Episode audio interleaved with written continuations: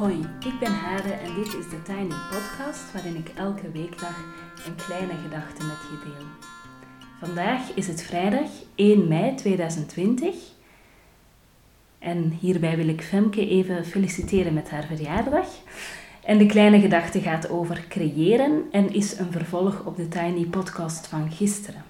Maar dit is ook los te beluisteren.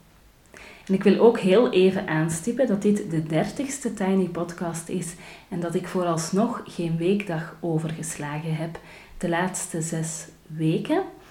Ehm, en ik had zelf eigenlijk heel veel twijfels of dat zou lukken. Dus uh, ja, het vind ik wel even fijn om dat moment te markeren. Eergisteren, nee, gisteren vertelde ik in de podcast dat een vrouw me eergisteren appte dat ze het bewonderde dat ik ruimte maak om te doen, maken en delen. Ik voelde me op dat moment hondsmoe en heel erg suf. Maar ik begon wel na te denken over het creëren. En gisteren vertelde ik over tijd en ruimte, over de spanning tussen in opdracht werken en werken aan wat voor jezelf is. Over een rechte lijn met mijlpalen richting een stip aan de horizon, versus een magisch kronkelpad dat ergens naartoe gaat, al weet je niet waarheen. Over wat je kan plannen en wat niet, en als je niets te plannen hebt, dat je dan wel voor jezelf kan zorgen en elke dag weer het werk kan doen. En daarmee bedoel ik elke dag gaan zitten en schrijven, of elke dag gaan zitten en tekenen, of elke dag gaan zitten en schilderen. Dat is het werk doen. Gewoon of je zin hebt of niet, of je tijd hebt of niet, of je inspiratie hebt of niet, gewoon elke dag doen wat je, ja, wat je te doen staat. En dat kan ook breien zijn, haken, whatever. Ten slotte heb ik het gisteren met een citaat tot op Instagram geschopt, wat erg mooi was en grappig om te zien. Dus ik zag plots een, uh, in een story van een uh, luisteraar een citaat van mezelf uh, terugkomen. En dat citaat ga ik toch nog een keer herhalen, want dat vond ik heel grappig. Uh, en het citaat is als volgt: Ik denk dat het belangrijk is te beseffen dat het creëren meer is dan me-time nemen. Me-time klinkt als een extraatje, als een pauzeknopje. Creëren, of je nu haakt of breidt of schrijft, of tekent of schildert of een podcast maakt of een cursus of de snoots soep, is iets van je kern. Geen extraatje of pauzeknopje. En vandaag wil ik daar nog een aantal gedachten aan toevoegen. Natuurlijk in de hoop dat ik als uh, quote op Instagram ga eindigen. Nee, grapje. Eerst vertel ik nog eens over de film Little Women, die ik zag net voor de coronacrisis uitbrak.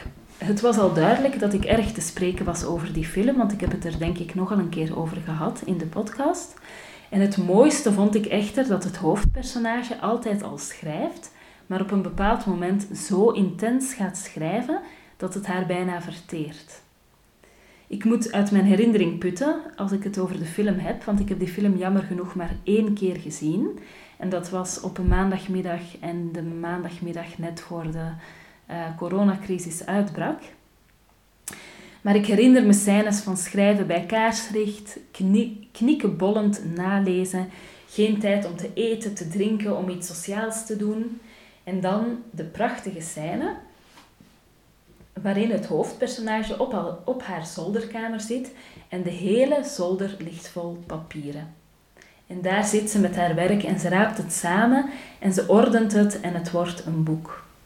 En na dat intense, eenzame proces dat haar bijna verteerd heeft, wordt haar boek uitgegeven en zie je dat ze iets doet voor de gemeenschap, namelijk ze gaat een school oprichten. Ik moest echt huilen bij de scène waarin de schrijfster op haar zolderkamer zit, omringd door al die blaadjes. In wat ik net vertelde over die film zit zoveel van hoe creëren voor mij kan voelen. Als een begeestering, een oncontroleerbaar proces. Een proces dat je kan verteren en behoorlijk kan uitputten. Maar ook de eenzaamheid. Het even niemand anders kunnen toelaten en enkel kunnen schrijven of scheppen. Maar ook de verbinding maken met het goed van de gemeenschap uiteindelijk. Dus het niet alleen terugplooien op jezelf, maar het uiteindelijk ook kunnen openplooien naar de wereld en de gemeenschap en de anderen. Een ander beeld naast dat van die film voor creëren is het geboorteproces. En daar heb ik al een keer iets over gezegd in de Tiny Podcast van 30 maart over iets in de wereld zetten. Natuurlijk roept een geboorteproces veel op bij mensen, ongeacht of ze zelf al bevallen zijn of niet. En daarom is het misschien goed te denken aan een geboorteproces zoals je dat in natuurdocumentaires ziet. Ik las ook de voorbije dagen in de kranten over een wolvin die gaat baren in België en hoe die geboorte voorbereid wordt door haar en de mannetjeswolf. Hij verzamelt proviand en zij creëert een nest waar ze haar jongen in kan krijgen. Ze heeft nog een tweede en een derde verborgen plek achter de hand, voor als de veiligheid en intimiteit van de eerste plek in het gedrang komen. Dat vond ik fascinerend. Het opzoeken van veiligheid, van een nest, het absoluut veiligstellen van de intimiteit en eenzaamheid die je nodig hebt om iets in de wereld te kunnen zetten. Verder wil ik nog iets vertellen over hoe je iets, over hoe iets dat je maakt jou ook maakt. Dus wat je maakt, maakt jou. Bij het maken van deze podcast leerde ik niet alleen een podcast maken, maar de podcast maakte mij ook en nog steeds. Ik was bang dat ik niet elke dag inspiratie zou hebben, dat mijn zin en energie snel zouden opraken. De podcast maakte mij tot iemand die wel trouw bleek te zijn aan het idee. Iemand die wel elke dag iets te vertellen heeft, al zal ik ruiterlijk toegeven dat de kwaliteit en kwantiteit variëren. Iemand die leerde plannen en organiseren om het voor elkaar te krijgen dat er elke dag, elke weekdag weer, s ochtends een aflevering de lucht ingaat. De podcast maakte me iemand die angstvallig zat te kijken of er wel iemand luisterde en die dan besefte dat het me daar nooit om te doen was. Dus de podcast maakte me tot iemand die trouw bleef connectie maken met haar eigen bezieling. En die bezieling was, ik wou een podcast maken, niet ik wil veel luisteraars. En de podcast maakte mij tot iemand die dankbaar was en werd om die luisteraars, om de ingestuurde verhalen, om de reacties, maar die het daar ook niet van liet afhangen. Dus ehm, ik vind het ontzettend fijn om verhalen van anderen binnen te krijgen, om die te mogen meenemen. Ik vind het ook ontzettend fijn om reacties te lezen, vind ik echt heel, heel fijn. Ehm, maar of ik de podcast maak of niet, hangt daar niet van af. En daarmee het inzicht, wat je maakt, maakt jou. Wat ik nog leerde over doen, maken en delen, waar het allemaal om begonnen was, ehm, is dat je op een bepaald moment de lat lager moet leggen. Ik heb nu 30 podcasts gemaakt. Dat had ik niet gedaan als ik de apparatuur moest kopen die ik eigenlijk in gedachten had, want die was zo duur dat ik nog best een tijdje moest sparen voor ik dan eindelijk die apparatuur kon kopen en daarmee dan moest leren werken en vervolgens dus pas kon beginnen met iets maken. Als ik uitgebreid wou leren monteren, zoals in mijn eerste complexe plan, ehm, waarin de podcast een heel gesofisticeerd uh, en gemonteerd geheel zou zijn. De podcast zou er niet zijn, en zeker niet in 30 afleveringen, als ik elke tekst die ik schreef en voorlas nog drie keer wou herwerken. Als ik bij elke verspreking, en ik weet dat ik er best al wat gehad heb uh, in deze podcast, als ik bij elke verspreking de opname over zou doen. Soms moet je gewoon de sprong wagen en de lat iets lager leggen dan je zou willen of dan je ja, ideaal zou vinden. En soms moet je gewoon even iets doen dat binnen je bereik ligt. En de rest volgt dan wel. Of niet. Klein denken. En tot slot nog een keer over het ouderschap en creëren. Ik heb wel eens een discussie met mijn partner over de tijd en ruimte die ik nodig heb om te creëren. Meermaals is daarbij al gesuggereerd dat ik misschien geen kinderen had moeten willen.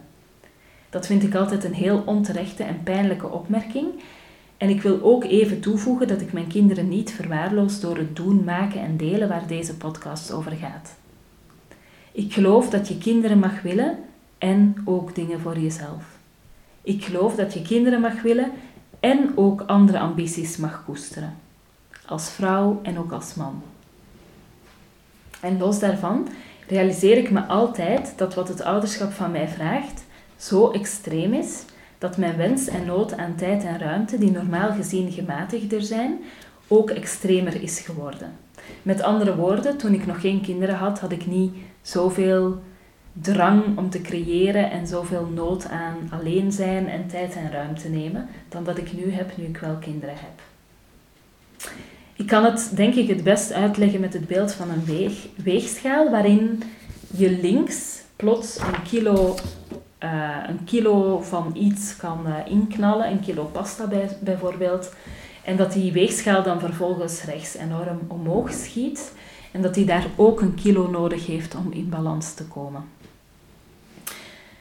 Wat ligt links op die weegschaal waar ik het net over heb uh, voor mij?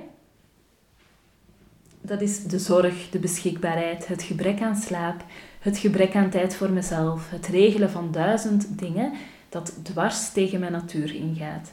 Het geven van aandacht, het geven van liefde, het managen van al die verschillende behoeften, het leven volgens een ritme dat niet het mijne is, het werken en het slapen volgens een ritme dat niet het mijne is. Dat allemaal is er links in mijn weegschaal geknald. En ook al wou ik zelf echt heel graag kinderen, en ben ik ook ontzettend dankbaar ehm, dat mijn kinderen er zijn. Het is nu eenmaal zo voor mij dat er ook rechts in dat uh, andere schaaltje van de weegschaal, dat er heel wat dingen in moeten liggen om het evenwicht te bewaren. En dan nog is het evenwicht echt een soort utopie. Wat er rechts in het schaaltje moet, is tijd voor mezelf, tijd om te schrijven, tijd om dingen te maken, ook al hebben ze geen nut. Dus gewoon dingen mogen maken, ook al verkoop ik ze niet of um, weet ik veel wat. Doe ik er ook verder niks mee. Of zijn ze niet eens mooi of leuk. Tijd om te werken, tijd om alleen te zijn. Tijd om koffie te drinken en voor mij uit te staren, wandelen, connectie maken met andere vrouwen. Tijd waarin ik gewoon even niets moet en nog veel meer. Dus um, ja, dat was het laatste wat ik denk ik nog wou delen op dit moment over het ruimte maken om te doen, maken en uh, delen. Of het creëren en wat er allemaal voor nodig is. En ja, met dat laatste wou ik eigenlijk denk ik zeggen dat um, het hebben van kinderen de nood aan ruimte om te creëren voor mij veel groter heeft gemaakt omdat de mogelijkheden gewoon veel beperkter zijn en omdat er best veel van mij gevraagd wordt. Tot zover. Misschien was dit een heel warrige podcast. Um, nou, ik hoor graag jullie reacties. Um, en dit was de dertigste Tiny Podcast, zoals ik al zei, en de laatste voor deze week. En volgende week ben ik er gewoon weer met een, uh, eerst en vooral op maandag, een um, verhaal, een magisch verhaal van iemand. Je kan mij volgen op Instagram, TheTinyPodcast. En je helpt me door deze podcast wat sterretjes te geven op iTunes, een review achter te laten of hem door te sturen aan iemand, die, aan iemand anders die er misschien wel zin in heeft om uh, hier naar te luisteren. Of een quote op Instagram te zetten. Grapje. Ik wens je een ontzettend mooi weekend en tot maandag. Doei!